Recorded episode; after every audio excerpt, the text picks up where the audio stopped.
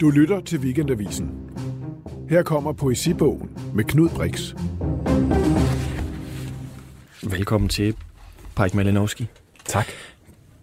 Kunne du, en, kunne du egentlig overhovedet være blevet andet end digter? Det, det kunne jeg da sikkert godt. Ja. Øh, jeg kunne da nok... Puh. Ja, jeg tror, jeg kunne være blevet alt muligt andet, faktisk. Hvorfor er du så blevet digter? Åh... Øhm, manglende kreativitet. Ja.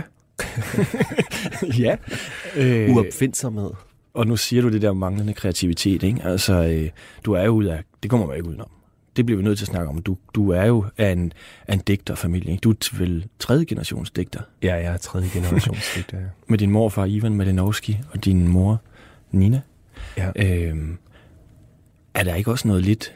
Jamen nu siger du det, du, du sagde manglende kreativitet, altså... Øhm, men det må vel også noget, man så får ind med modersmælken, eller hvad? Jo, det er jo det. Og det er jo derfor, at jeg siger manglende kreativitet. Eller Ja. ligesom, jeg har ikke øh, tænkt mig selv ud af den. Altså, det har jeg jo så alligevel, fordi jeg er jo også øh, andet end digter. Eller ligesom, digtning er ligesom en del af min, øh, mit kreative Mm. mm. virke. Men jeg er også øh, radioproducent og... Øh, og redaktør og forlægger og oversætter og, og andre ting. Men selvfølgelig alt sammen handler det på en måde om, om sprog Ja. ja. og litteratur. Ja. Ja, fordi du har jo lavet montager, du er på forlaget Basilisk, øh, og på den måde lavet en masse ting, men jeg har alligevel en fornemmelse af, at det på en eller anden måde lidt af det samme. Ja. Øh, hvad, hvad er det for en substans eller en ting, du efterspørger eller efterstræber? Altså, hvad fanden? Hvad vil du egentlig? Det er hårdt for lige masken, Uf, ikke? det var en hård Ja. start. Jeg, jamen, jeg vil jo alle mulige forskellige ting, tror jeg. Ja. Øh, jeg tror også, at jeg er sådan af natur er sådan meget restløs egentlig. Ja. Øhm, og øh, kaster mig over masser af ting og nye ting hele tiden. Øh, og, og, øhm, og bliver hurtigt øhm, utålmodig med dem, eller øhm, træt af det, eller, Ja. og, og så finder jeg på nye ting, og så går jeg nye steder hen Ja. hele tiden. Så jeg har ikke sådan en rigtig sådan konsistent eller konsekvent måde at arbejde på egentlig. Øhm, hvilket selvfølgelig kan både er, udmattende, men også sådan frisættende. Den der restløshed, hvordan mærker du den? Øhm, Men jeg tænker, du har boet i næsten 20 lande, ikke? Wow. Øh, tror jeg, jeg læste mig frem til. Nå, Eller nej, sådan- nej det, det har jeg det har du ikke. Nej, nej. Nej, du har rejst. Jeg har boet Rigtig meget. Du har boet- 20 år Ja, uden er for Danmark. Du har eller, boet i eller New rundt York omkring. i mange Jeg har år. boet i New York i mange år, og så har jeg boet i, i London i nogle år, og i, før det i Berlin i noget tid. Okay, og, det er jo så ikke. Det er bare mig, der regner helt galt. Men, Nej, men jeg har opholdt mig rundt omkring i verden øh, i, i perioder, men ikke, men ikke sådan boet decideret har jeg men det kommer kun, også an på, hvad man tænker med at have boet, ikke? Right. Ja. Jeg er tre måneder i dig. Indien, det, det er måske ikke at bo der, men, Nej. men sådan ligesom at være der. Men den der restløshed med at flytte sig fysisk, hvad, altså, hvad giver det dig? Øh, ja, nye, nye idéer, nye perspektiver, nye indtryk, nye måder at se verden på. Og jeg elsker at komme til en fremmed by, som jeg ikke har været i før. Det er sådan en af mine yndlingsting. Hvad lægger du så mærke til? Jamen nu har jeg faktisk fået sådan et, et, øh, en, en tradition for, at jeg... Øh, altså det sker egentlig ikke så tit mere, men, men, øh, men, men når jeg rejser til en fremmed by, så, så smider jeg min taske først til sted, jeg skal bo, og så øh, går jeg ud på gaden og vælger et tilfældigt menneske og følger efter dem i øh, så, så længe jeg kan, i 10 minutter, i kvarter, 20 minutter. Uanset hvor de går hen? Uanset hvor de går hen, ja. Og, og så tænker jeg over, hvem de er, og hvordan de ser ud, og hvordan de går, og hvad de skal, og hvor de kommer fra, og hvor de skal hen, og hvad de drømmer om, og hvad de, hvad de vil, og hvem de er. Og så viser de mig ligesom øh, det her nye sted. Men på afstand, du giver dig ikke til kende? Nej. Nej. Nej, så det er sådan en måde bare, altså at have sådan en, en form for skytsengel, en, en tilfældigt udvalgt skytsengel, som jeg våger over et øjeblik, som, som, øh, og som så viser mig øh, byen, deres helt subjektive lille del af byen. Og hvad så, hvis de så går hen og tager tog ud af byen? Så lader jeg dem køre i toget, så, så går jeg videre. Okay. Nå, hvordan er du kommet på det? Altså, jeg har jo, det er sådan en øvelse, jeg giver, når jeg, nogle gange underviser jeg Ja. i, i radioproduktion. Det er sådan en øvelse, jeg giver mine elever tit at gå ud på gaden to og to og følge efter en person. Og så er de altså på hver sin side af gaden, ligesom, så vælger de to personer en person, og så har, har vi ligesom to stemmer, der beskriver den samme Ah, person på samme tid.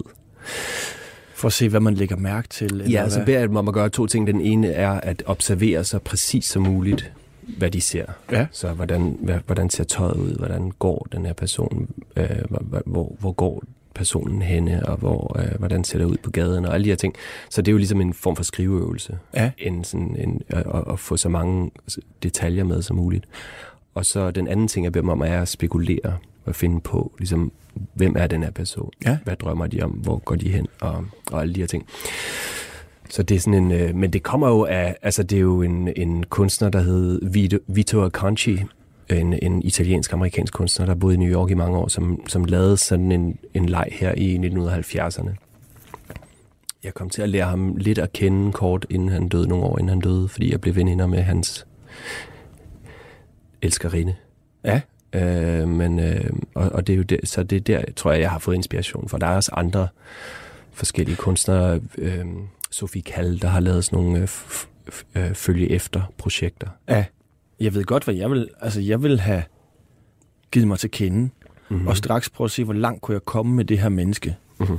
Hvor du, øh, kan man sige, ikke forfølger, men kigger på noget helt andet, ikke? Øh, beskrivelsen af, hvordan man gør, i stedet for en eller anden tro på, at man bare lige kan åbne et menneske op, og så få dem til at fortælle.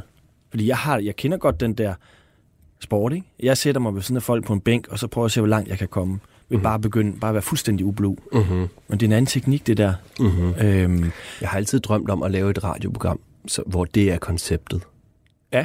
Jeg sidder på en bænk og taler med en tilfældig person. ja, Det, er ligesom, det var rammen. Det kunne være sjovt. ja.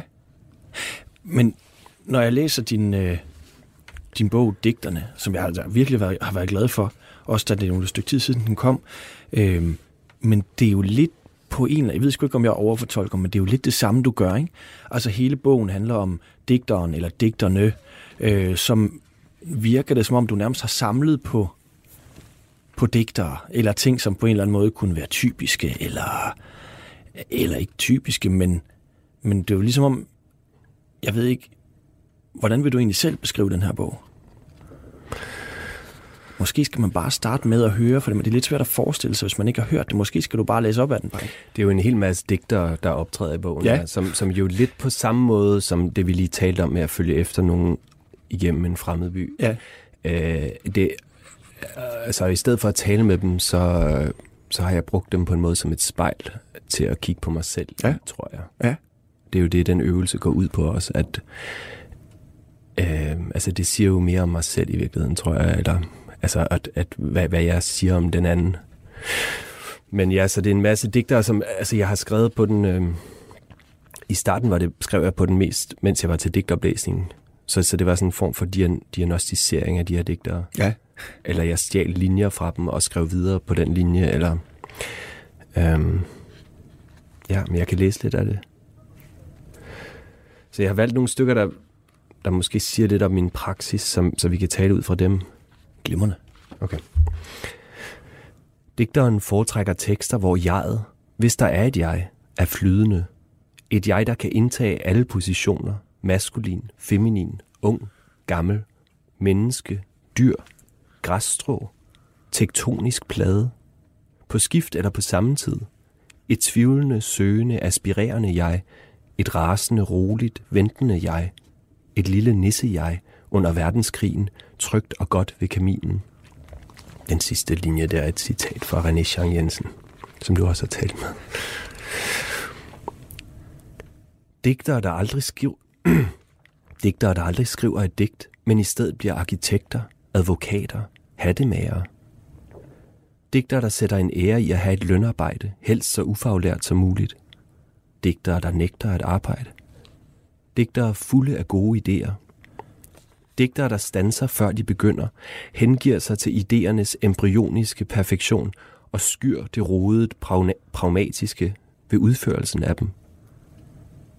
En digter, der interesserer sig mere for det neutrale og anonyme i det fælles sprog, end for ideen om at skabe sit eget poetiske sprog.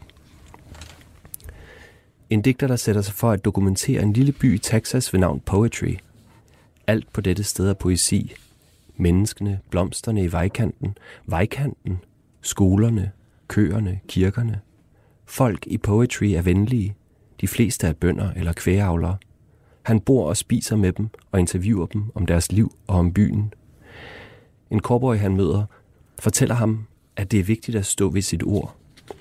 En dyreudstopper spytter i en spand med indvold og siger, det er svært at sige, hvor poetry begynder og hvor poetry slutter. Det er jo... Øh...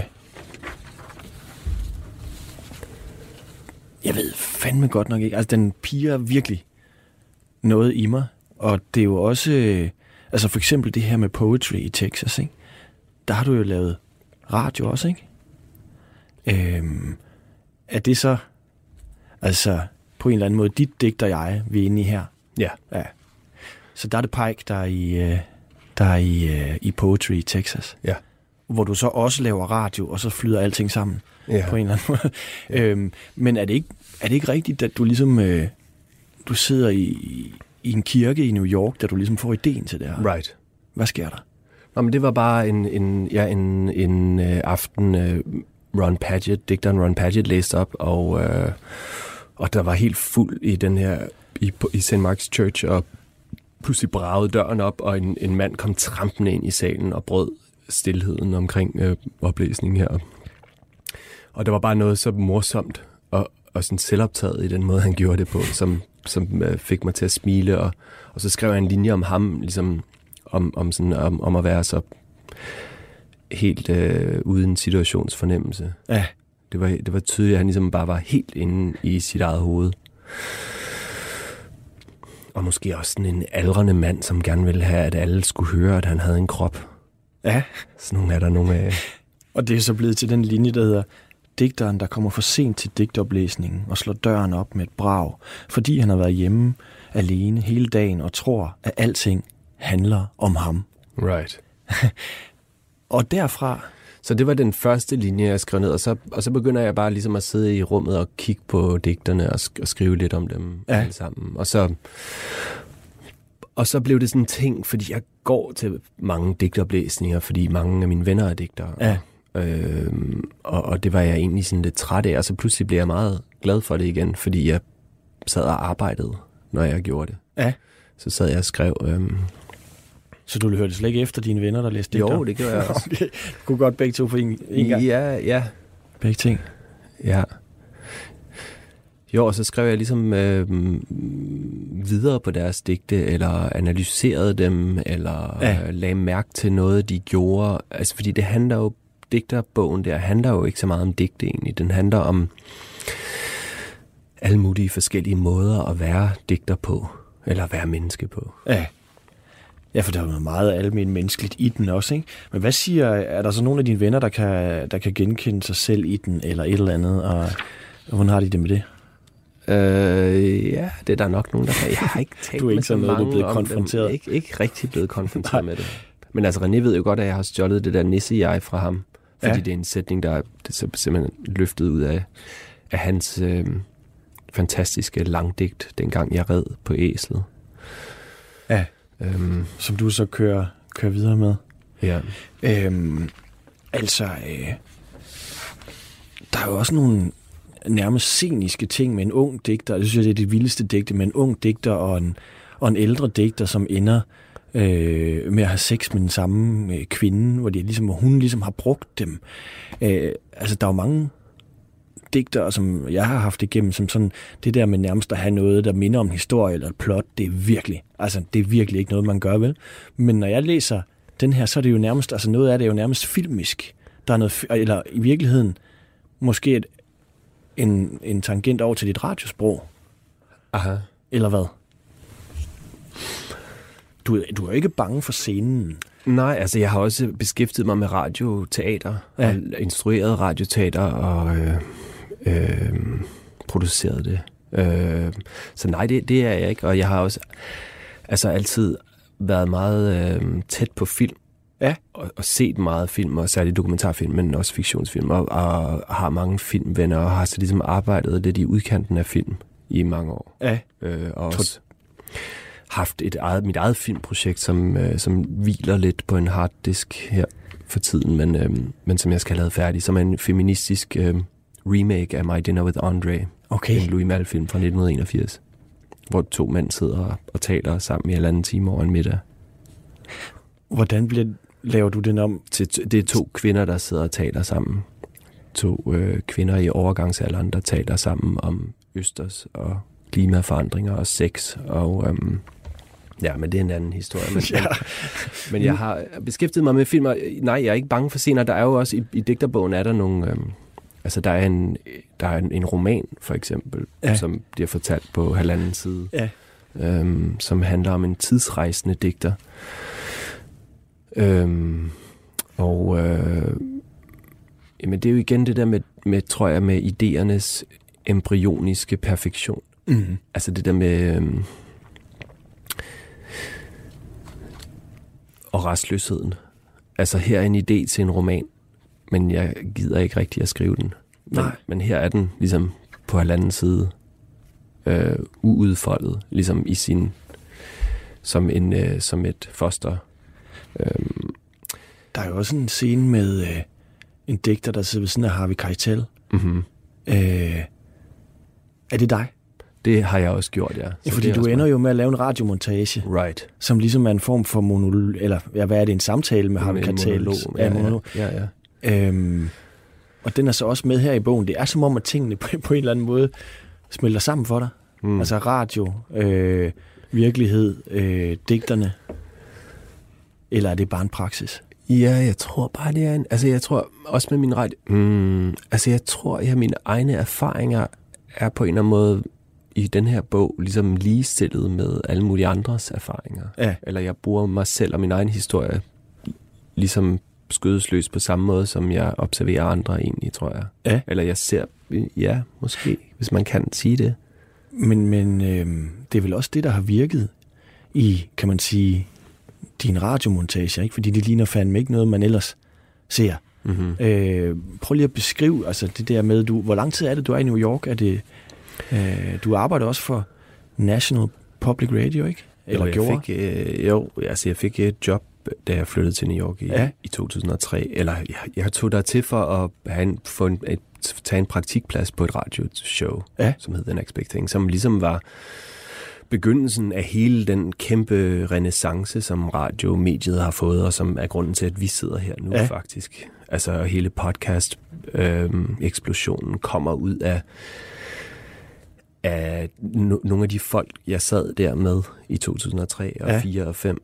Uh, Jad Abumrad, som startede Radiolab, um, og Emily Botin og Curtis Fox og um, Matt Lieber, som senere startede noget, der hedder Gimlet, som blev USA's største podcast-platform. Ja. Produktionsnetværk. Så der kommer du over og sidder med de her folk. sidder med de her folk, og så, og så fik jeg... Altså, ja, og sådan lidt The American Dream-agtigt øh, fik jeg et skrivebord, en telefon og lov til at producere. Altså, de kunne se, at jeg havde talent, og um, det var sådan en, en meget, meget stærk modsætning til, hvad jeg havde oplevet på Danmarks Radio, hvor jeg Ja. havde arbejdet lidt på montagen, og også lidt på det, der hed ultralyd. Hvor der sad flest, altså mange sådan gamle mænd, øh, som holdt på deres taburetter, Ja, og, og var sådan lidt panisk angste over for unge folk, der ville noget. Ej, det, det er jo meget sådan øh, groft. men det må man gerne være. Man gerne være. Men, altså, det, var, det, det stødte jeg op imod meget. Ja, Det der sådan øh, gamle mands ville. Og så kom jeg derover, så alle mine kollegaer var i 20'erne eller 30'erne, altså, og havde fuldtidsjob og redaktørstillinger, og, og der var bare en vild energi og mm. gang i den. Og, og så havde det show, jeg arbejdede for, altså det var sådan en blanding af dokumentar og radioteater og lydkunst og, og journalistik og så alle mulige radioformater klemt ind i sådan en ugenlig time og blev sendt ud over hele landet. ja. Men og det gav jo adgang for alle, altså kunstnere og forfattere og filmfolk og alle, de ville, jo- de ville jo alle sammen gerne tale med os. fordi det var sådan et nationalt publikum, vi havde. Så, så jeg havde jo også adgang til hele byen på, mm. en, på en måde, sådan, og blev inviteret til alting. Så, så det var det, der gjorde, at jeg blev hængende øh, i mange år. Og øhm, ja... Øh, Har du, mens du er der og er med til og øh, jeg kan man sige, være pioner på hele den her måde at fortælle historier og lave podcast og alt det her, ikke? Øh, skriver du digte undervejs der? Er det sådan en praksis, du kan lade ligge, eller er du ligesom nødt til at, øh, at køre det ved siden af? Nej, det har jeg nok lavet lidt ligge faktisk i nogle perioder. Der var Ja. nogle år der, hvor jeg ikke skrev særlig meget. Ja. Øhm, Fordi det andet fylder så meget? Fordi det andet fyldte så meget, ja. Og, og, øhm, men jeg tror, jeg er sådan en digter, der godt kan lide distraktion. Ja. Altså, jeg kan godt sidde i, en, i et pakket rum, hvor der foregår en digtoplæsning og skrive på min telefon. Ja. Øhm, og så er der selvfølgelig perioder, hvor jeg virkelig har brug for ro og isolation, særligt i redaktionsfasen jo, Ja. altså når jeg skal putte det hele sammen. Men sådan den der kreative fase og indsamlingsfasen, øhm, har jeg det egentlig meget godt med at være et, et sted, hvor jeg bliver distraheret og, og hele tiden øh, bliver flyttet og kastet rundt. Og, øhm, Hvad tror du, der ville ske, hvis du sådan fik ekstrem ro til at så lave dine ting? Jamen, jeg har prøvet det nogle gange, og det dur ikke rigtigt for mig, faktisk. Øhm, det dur sådan i, i nogle dage ad gangen i, i redaktionsfasen, men, men jeg kan ikke være i det rum øh, for længe, faktisk. Hvad sker der så? Mm, det, det, jeg bliver øh, sådan manisk. Ja.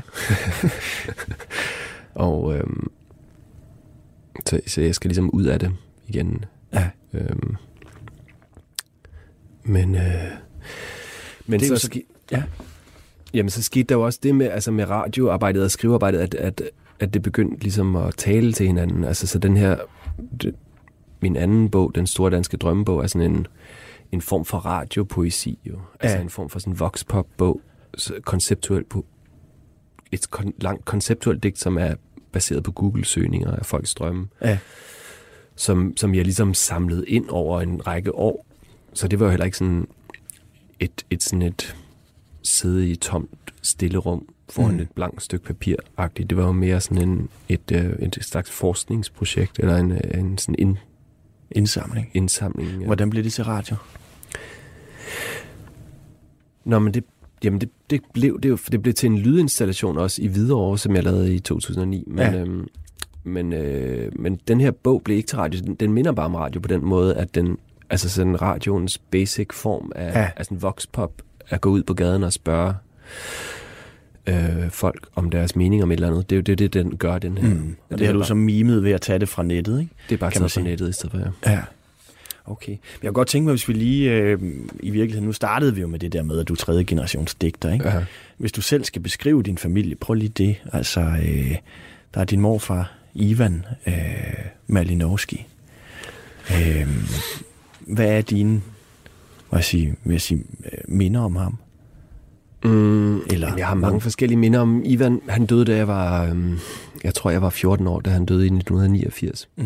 Øhm, han var jo øh, sådan en øh, meget, meget intelligent mand, som, jamen det er jo en lang historie. Vi Ja. ja. kan lave et helt program, eller flere programmer om ham. Han, han altså, hvad, hvad, kan jeg, hvad kan jeg huske af ham? Jeg kan huske, øh, han røg pibe og kørte i 2CV. Ja. Jeg kan huske, at han røg pibe, mens han kørte i 2CV. fordi jeg sad om på bagsædet. Så kan jeg huske hans sådan store verdensengagement. Ja. Altså han var jo øh, meget venstreorienteret og rejste rundt i hele verden, oversat fra russisk. Så han kom jo hjem fra Moskva af og til med... Altså han rejste frem og tilbage i det der, igennem det der jerntæppe, der lå mellem øst og vest engang. Øh, og var meget bekendt med russiske affærer og litteratur. Og øhm, jeg skrev faktisk til PET her for nylig, fordi jeg tænkte, øh, jeg, ved, jeg kunne godt tænke mig at vide, om de havde en fil på ham. Ja. Men øh, Det har de da ganske givet haft. muligvis, jeg fik et ret sjovt tre, tre sider langt brev tilbage om, at de hverken kunne sige, om de havde eller ikke havde.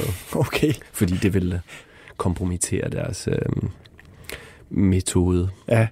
Så Men, øh, men anyway, altså han var frem og tilbage der imellem, og så var han jo rundt, og så var han jo, du ved, venner med Pablo Neruda, og, og, og, og tog til Chile, og til Mellemamerika, Sydamerika og Kina, og bla bla bla. Men, og så... Øh, en af de sidste minder, jeg har om ham, der sidder han i sit øh, arbejdsværelse, i sit arbejdshus op på vores ødegård i Sverige. Ja.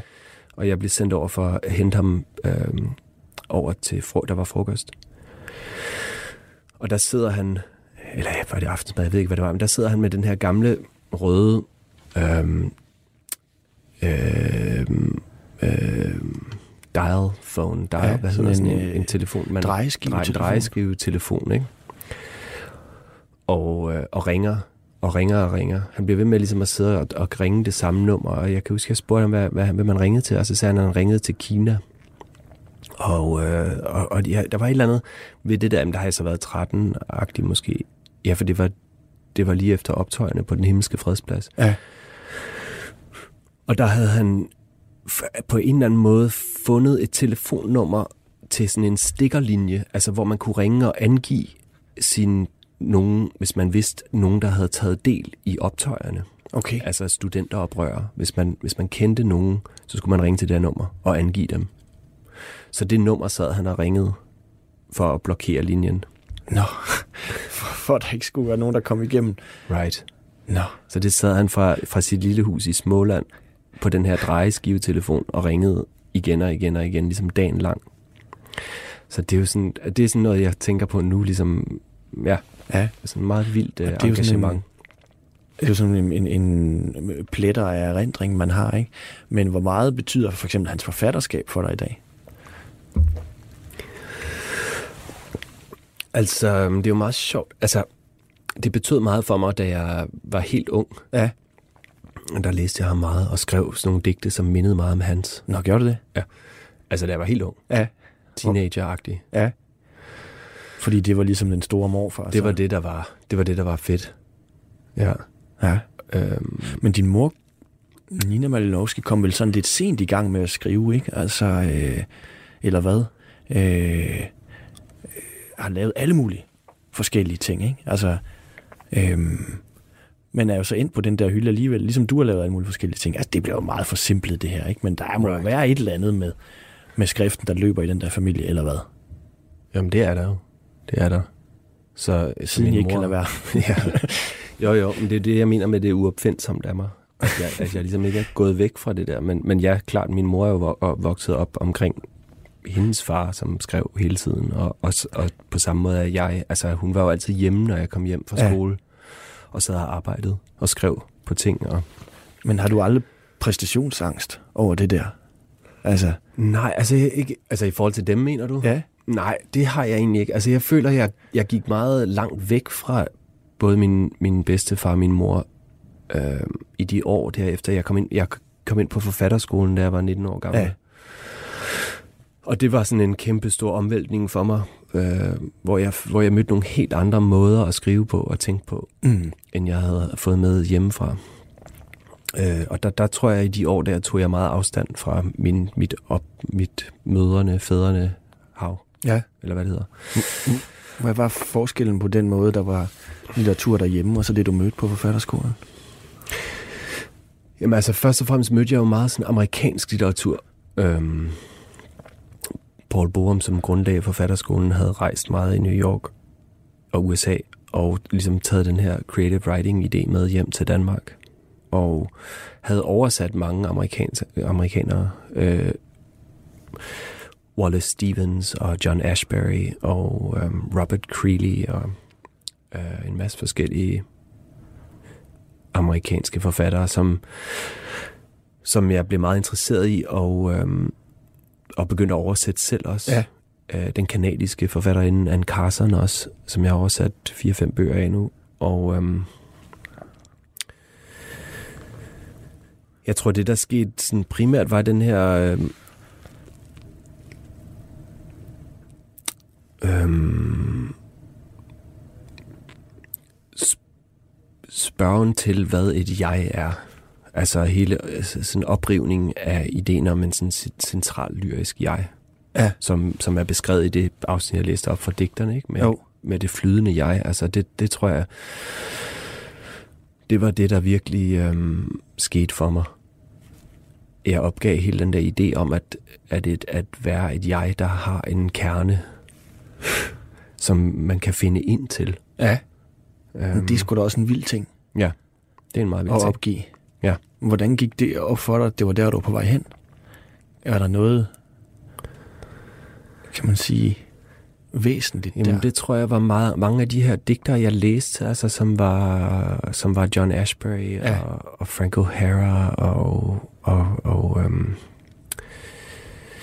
men også sådan mere øh, eksperimenterende folk øh, og, og konceptuelle digtere og øhm,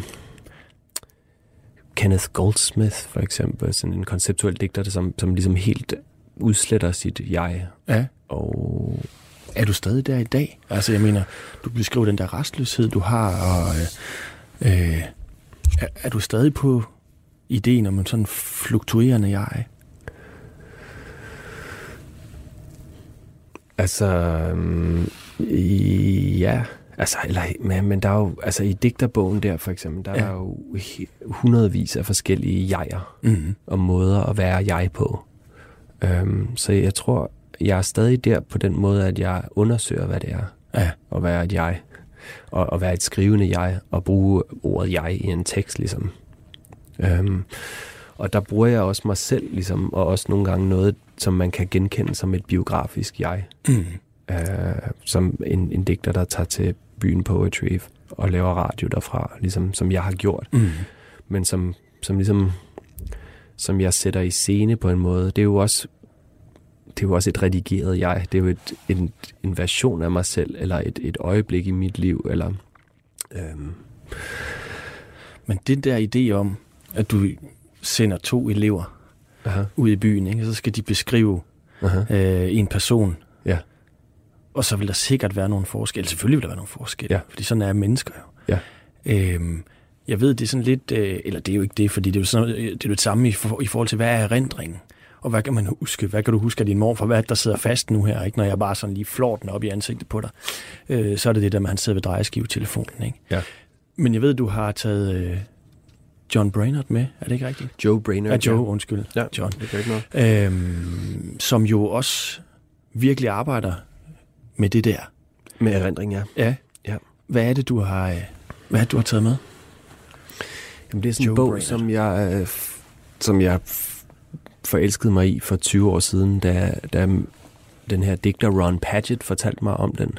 Han var i Danmark, og så fortalte han om, om den her bog, som hans gode barndomsven Joe Brainerd havde skrevet. Ja. De kommer begge to fra en lille by i, i Oklahoma, der, hed, der hedder Tulsa, og tog til New York, da de var meget unge. Og Joe, han blev øhm, billedkunstner. Han var billedkunstner lige fra starten, Ja. og lige fra altså børnehaven. og så kom han til New York og, og, og faldt meget hurtigt ind med hele det her øh, slæng af, dig, af digter og, og kunstnere, og blev venner med Andy Warhol og sådan nogle typer. Øhm, øhm, og en masse andre kunstnere her. Og så pludselig i 1900, begyndelsen af 1970'erne, så, så begynder han at skrive øhm, Altså, han, besk- han har beskrevet det ret sjovt selv i et brev engang til en veninde, hvor han er totalt øh, sådan manisk og opflammet af den her skriveproces. Han finder ligesom den her, han støder på en motor, en måde at skrive på, som sætter alt muligt i gang for ham, og som er utrolig simpel. Øhm, han starter, han skriver en masse små prosafragmenter, som alle sammen begynder med ordene, jeg kan huske, I remember, og, og så er det ellers sådan rimelig vilkårligt rækkefølgen. Det er ikke kronologiske erindringer, og det, men det er alt sammen, kan man sige, hvad de har til fælles, at de, det er nogle meget intime øh, og meget øh, stærkt øh, sansede erindringer. Jeg kan læse lidt af det. Det må du meget gerne. Ja. Og det her er en oversættelse, som jeg sidder og arbejder på sammen med digteren Palle Sisgaard, som udkommer på Basilisk øh, i år. Jeg kan huske en dag i gymna... jeg kan huske en dag i gymnastiktimen, da mit navn blev råbt op, og jeg simpelthen ikke kunne sige ja. Jeg stammede så meget, at ordene nogle gange slet ikke ville komme ud af min mund. så skulle jeg løbe rundt om banen mange gange. Jeg kan huske en lidt hesteagtig pige, som prøvede at forføre mig på et tag i New York. Selvom jeg fik den op at stå, havde jeg ikke rigtig lyst til noget, så jeg sagde, at jeg havde hovedpine. Jeg kan huske en fodboldspiller, der gik med stramme for vaskede cowboybukser, og måden han fyldte dem ud på. Jeg kan huske, at jeg blev indkaldt og måtte tage den lange vej ind til centrum for at gå til lægeundersøgelse. Det var tidligt om morgenen. Jeg spiste et æg til morgenmad, og jeg kunne mærke det sidde der i min mave. Efter navneopråbningen var der en mand, der så mig an og beordrede mig ned i en anden række, end der, hvor de fleste andre drenge var. Jeg havde meget langt hår, hvilket var mere usædvanligt dengang, end det er nu. Den række, jeg blev sendt over i, viste sig at være for dem, der skulle til overlægen. Jeg ville alligevel have bedt om at se ham. Lægen spurgte mig, om jeg var svans, og jeg sagde ja. Så spurgte han mig, hvilke homoseksuelle erfaringer jeg havde haft, og jeg sagde ingen. Det var sandt. Og han troede på mig. Jeg behøvede ikke engang at tage tøjet af. Jeg kan huske en dreng, der fortalte mig en sjofel af gurkevidighed. Det var første gang, jeg fik en anelse om, hvad sex var for noget. Jeg kan huske, at min far plejede at sige, hænderne oven på dynen, når han sagde godnat. Men han sagde det på en rar måde. Jeg kan huske dengang, jeg troede, at hvis man gjorde noget forkert, ville politiet sætte en i fængsel. Jeg kan huske en meget kold og mørk nat på stranden alene sammen med Frank O'Hara. Han løb ud i havet, og det skræmte mig for videre sans. Jeg kan huske lyn. Jeg kan huske vilde, røde valmuer i Italien. Jeg kan huske, jeg solgte blod på Second Avenue hver tredje måned. Jeg kan huske en dreng, jeg engang elskede med, og efter vi var færdige, spurgte han mig, om jeg troede på Gud. Jeg kan huske dengang, jeg troede, at alt, der var gammelt, var meget værdifuldt. Wow. Så det, det er fandme vildt. Mm-hmm. Øh, det er jo noget med det der, at det er sådan, hjernen er en skuffe, hvor du bare trækker noget ud, ikke? og så mm-hmm. kommer der nogle, mm-hmm. det er ligesom den der børnefilm med, med de der minder. Øh, jeg kan ikke huske, hvad den hedder. Så mm. nogle følelser og sådan noget. Men det er jo, hvad fanden, hvad, hvad giver det dig, det der? Jamen det sjove ved den der bog er jo, at selvom at han har skrevet den i 1970'erne i New York, og, og den handler meget om at op, vokse op i Tulsa, Oklahoma Ja. i 50'erne og 60'erne, så føler jeg jo, at det er at den handler om mig også. Eller ligesom, de er så de er så øhm, uhyre intim beskrevet, de her Ja. Tanker og erindringer, at, øh, at de på en måde kan blive til alles. Ja, det bliver almen gyldigt på en eller anden Ja. måde, fordi det er så intimt. Ja, eller du kan se dig selv i dem Ja. på, en, på sådan en magisk måde. Og så er der jo hele spørgsmålet om, hvad der fanden det er, man kan huske. Ikke? Mm-hmm. Altså, hvad er erindring for noget under det noget? Mm-hmm. Hvad, det er jo det, han er, jeg kan huske. Det er jo den der klang, han slår an, som jo selvfølgelig er falsk, fordi kan man nu også huske det, eller hvad fanden er det? Right. Ligesom når du får to folk hjem, som der har oplevet det samme, men det er noget forskelligt. Right. Hvad kan vi så bruge det til? Ja, man kan bruge det. Altså, den her bog, tror jeg, jeg har brugt den meget til undervisning også. Altså, som skriveøvelse. Ja, Altså, jeg synes, den der motor, som han, han finder, øh, kan alle bruge. Ligesom, det er en glimrende måde at skrive erindringer på. Ja. Fordi, fordi jeg tror, vores erindringer, altså det er jo den måde, den, de, det foregår på, ikke? når vi tænker. Altså, vi tænker jo ikke kronologisk på den måde. Vi, vi, Nej. tænker, vi er jo ligesom i 10 forskellige tider, øh, når vi husker Ja. på samme tid. Øh, og, og det er jo det, han gør i den der bog, i, i de der spring. Øhm, ja, fordi der er ingen kronologi overhovedet. Men den udgiver den oversætter du så nu, Mhm. mm-hmm. og ko- den kommer på, øh, på basilisk, som jo så kan man sige en anden del af dit virke. basilisk, ja. Forladet basilisk. Ja, basilisk. Øh, som, hvad kan man sige, I var jo en gruppe forfattere fra forfatterskolen, øh, dig, René Jean Jensen, Majsa Aimo Bode og andre, som ligesom Peter Højrup og Martin Peter Larsen. Højrup, Martin Larsen, mm. som genopfinder det her forlag, kan man vel sige, ikke? Øh, eller i... Ja, vi overtog det fra, fra øh, vores professor fra forfatterskolen, Per Brandt og, og nogle andre, Ja. øh, som ligesom var gået lidt i stå. De var kommet op og skændes omkring en eller anden tekst. Ja. Eller, øh, jeg tror, det var en version af det, men, Men jo, altså, vi var en del af et redaktionen på et tidsskrift, og så overtog vi forladet der i år 2000 og, øhm, og begyndte at lave bøger. Og har jo arbejdet stort set gratis øh, hele vejen igennem, ikke? Øh, eller det er i hvert fald ikke sådan et profitbåret forlag på den måde, og er jo, kan man sige, I har lige fået Nordisk Råds litteraturpris med Jonas Eika efter solen. Øh, men prøv lige at fortælle lidt om det der med, hvorfor det? Altså, hvorfor, øh, hvorfor Det nærmest startede- arbejde 10 år gratis? Øh, 20. 20, ja. ja, 2000, hold da kæft, ja. Hvorfor arbejde 20 år gratis på noget? Altså, hvad var det for en, hvad er det for en stemning der er sådan et sted? Øh, eller hvad fanden er det, I båret af? Jamen altså, jeg tror, vi er båret primært af kærlighed til hinanden. Vi, vi er jo meget, meget øh, gode venner. Ja. Øh, også, Okay, så det er kærlighed til hinanden mere end til litteraturen? og, måske? og til litteraturen. Okay.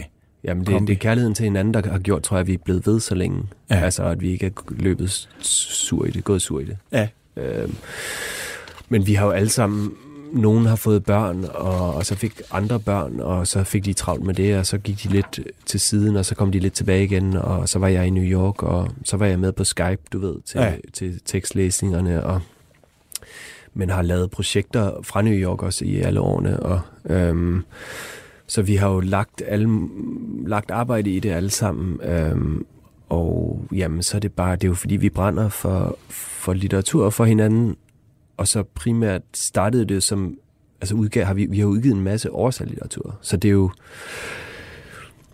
øhm, har været en mission om at, at hente ting ind i dansk, i, i, i Mm. det danske litterære kredsløb, som ikke var her. Ja. Ligesom at uh, introducere ting, som kunne udvide vores opfattelse af litteratur. Ja.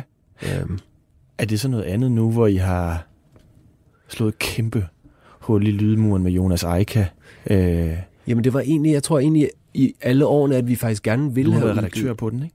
Jo, det er mig, der har redigeret ja. den sammen med Jonas. Og, eller Jonas har jo sk- skrevet den og redigeret den. Ja, Ja. Men jeg er hans redaktør. Ja. ja. Og, øhm, og øhm, jo, men jeg tror, vi vil, have, ger- vi vil gerne udgive dansk, øh, men det var der faktisk ikke sådan støtteordninger til. Nej. Øh, vi havde, har jo aldrig ligesom haft penge, så, så vi har søgt støtte til at udgive oversat litteratur. Ja.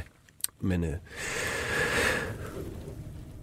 men ja, serie B, der er ny dansk litteratur. Vi udgiver også Asta Olivia Nordenhoff og, øh, og andre danske øh, forfattere. Øh, Og du det, debuterer jo også selv, kan man sige, på jeres, øh, ja, på jeres forlag, ikke? Ja. Altså, øh, det tror jeg, vi skal derhen nu, fordi i år så er det her i 2000.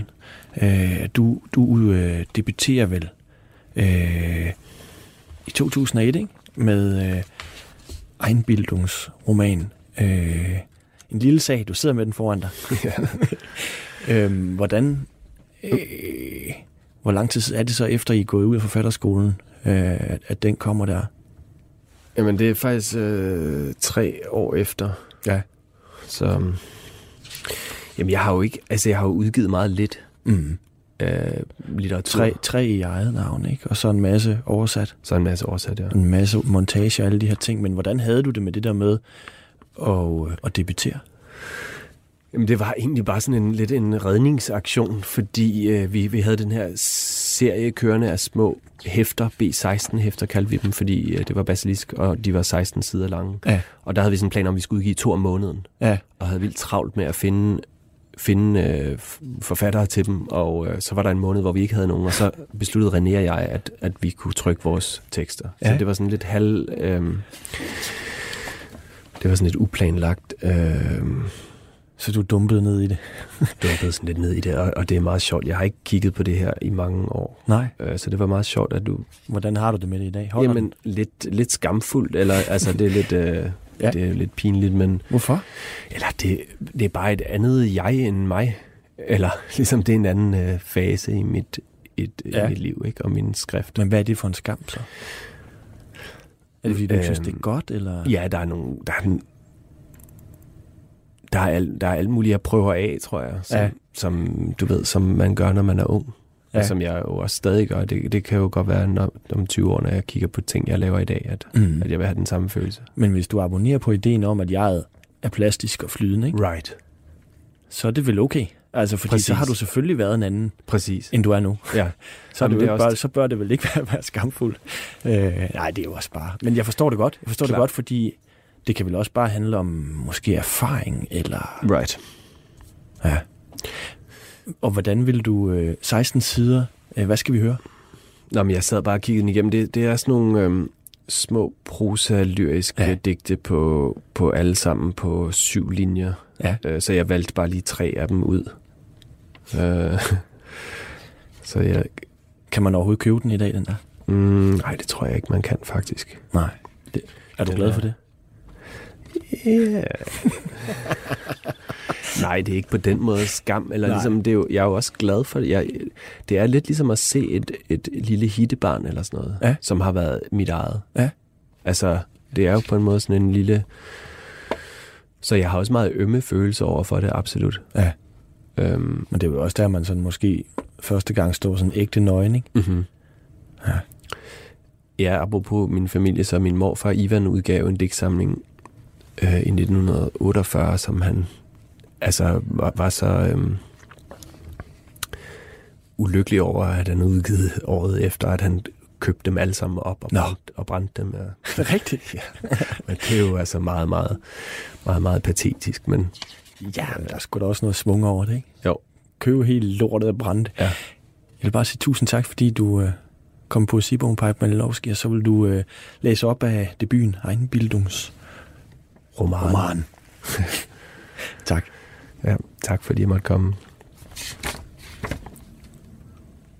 Det er juni, og du må ud af din styrke, langt ud.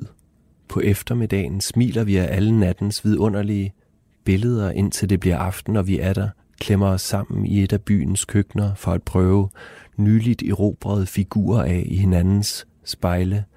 Nogle af dem heroiske, og nogle af dem splindrede, ligesom os selv. Eller man belønner sig selv med en uges husarrest og begynder på et digt, der ikke vil finde en form, men bare bliver længere og længere og til sidst så langt, at man holder op med at spekulere over formen og i stedet sætter sin lid til, at det vil kunne underholde en nær ven. Man bliver en form for sig selv. Midt under et orgie vender en mand sig mod en kvinde. Hvad skal du lave efter orgiet? Vi er som franskmænd i Frankrig hele dagen. Vi udlægger evigheden. Vi anlægger køkkenhaver. Hvorfor spiller vi bordtennis i mørke? Det ser godt ud i digte. Hvorfor ringer vi med klokker?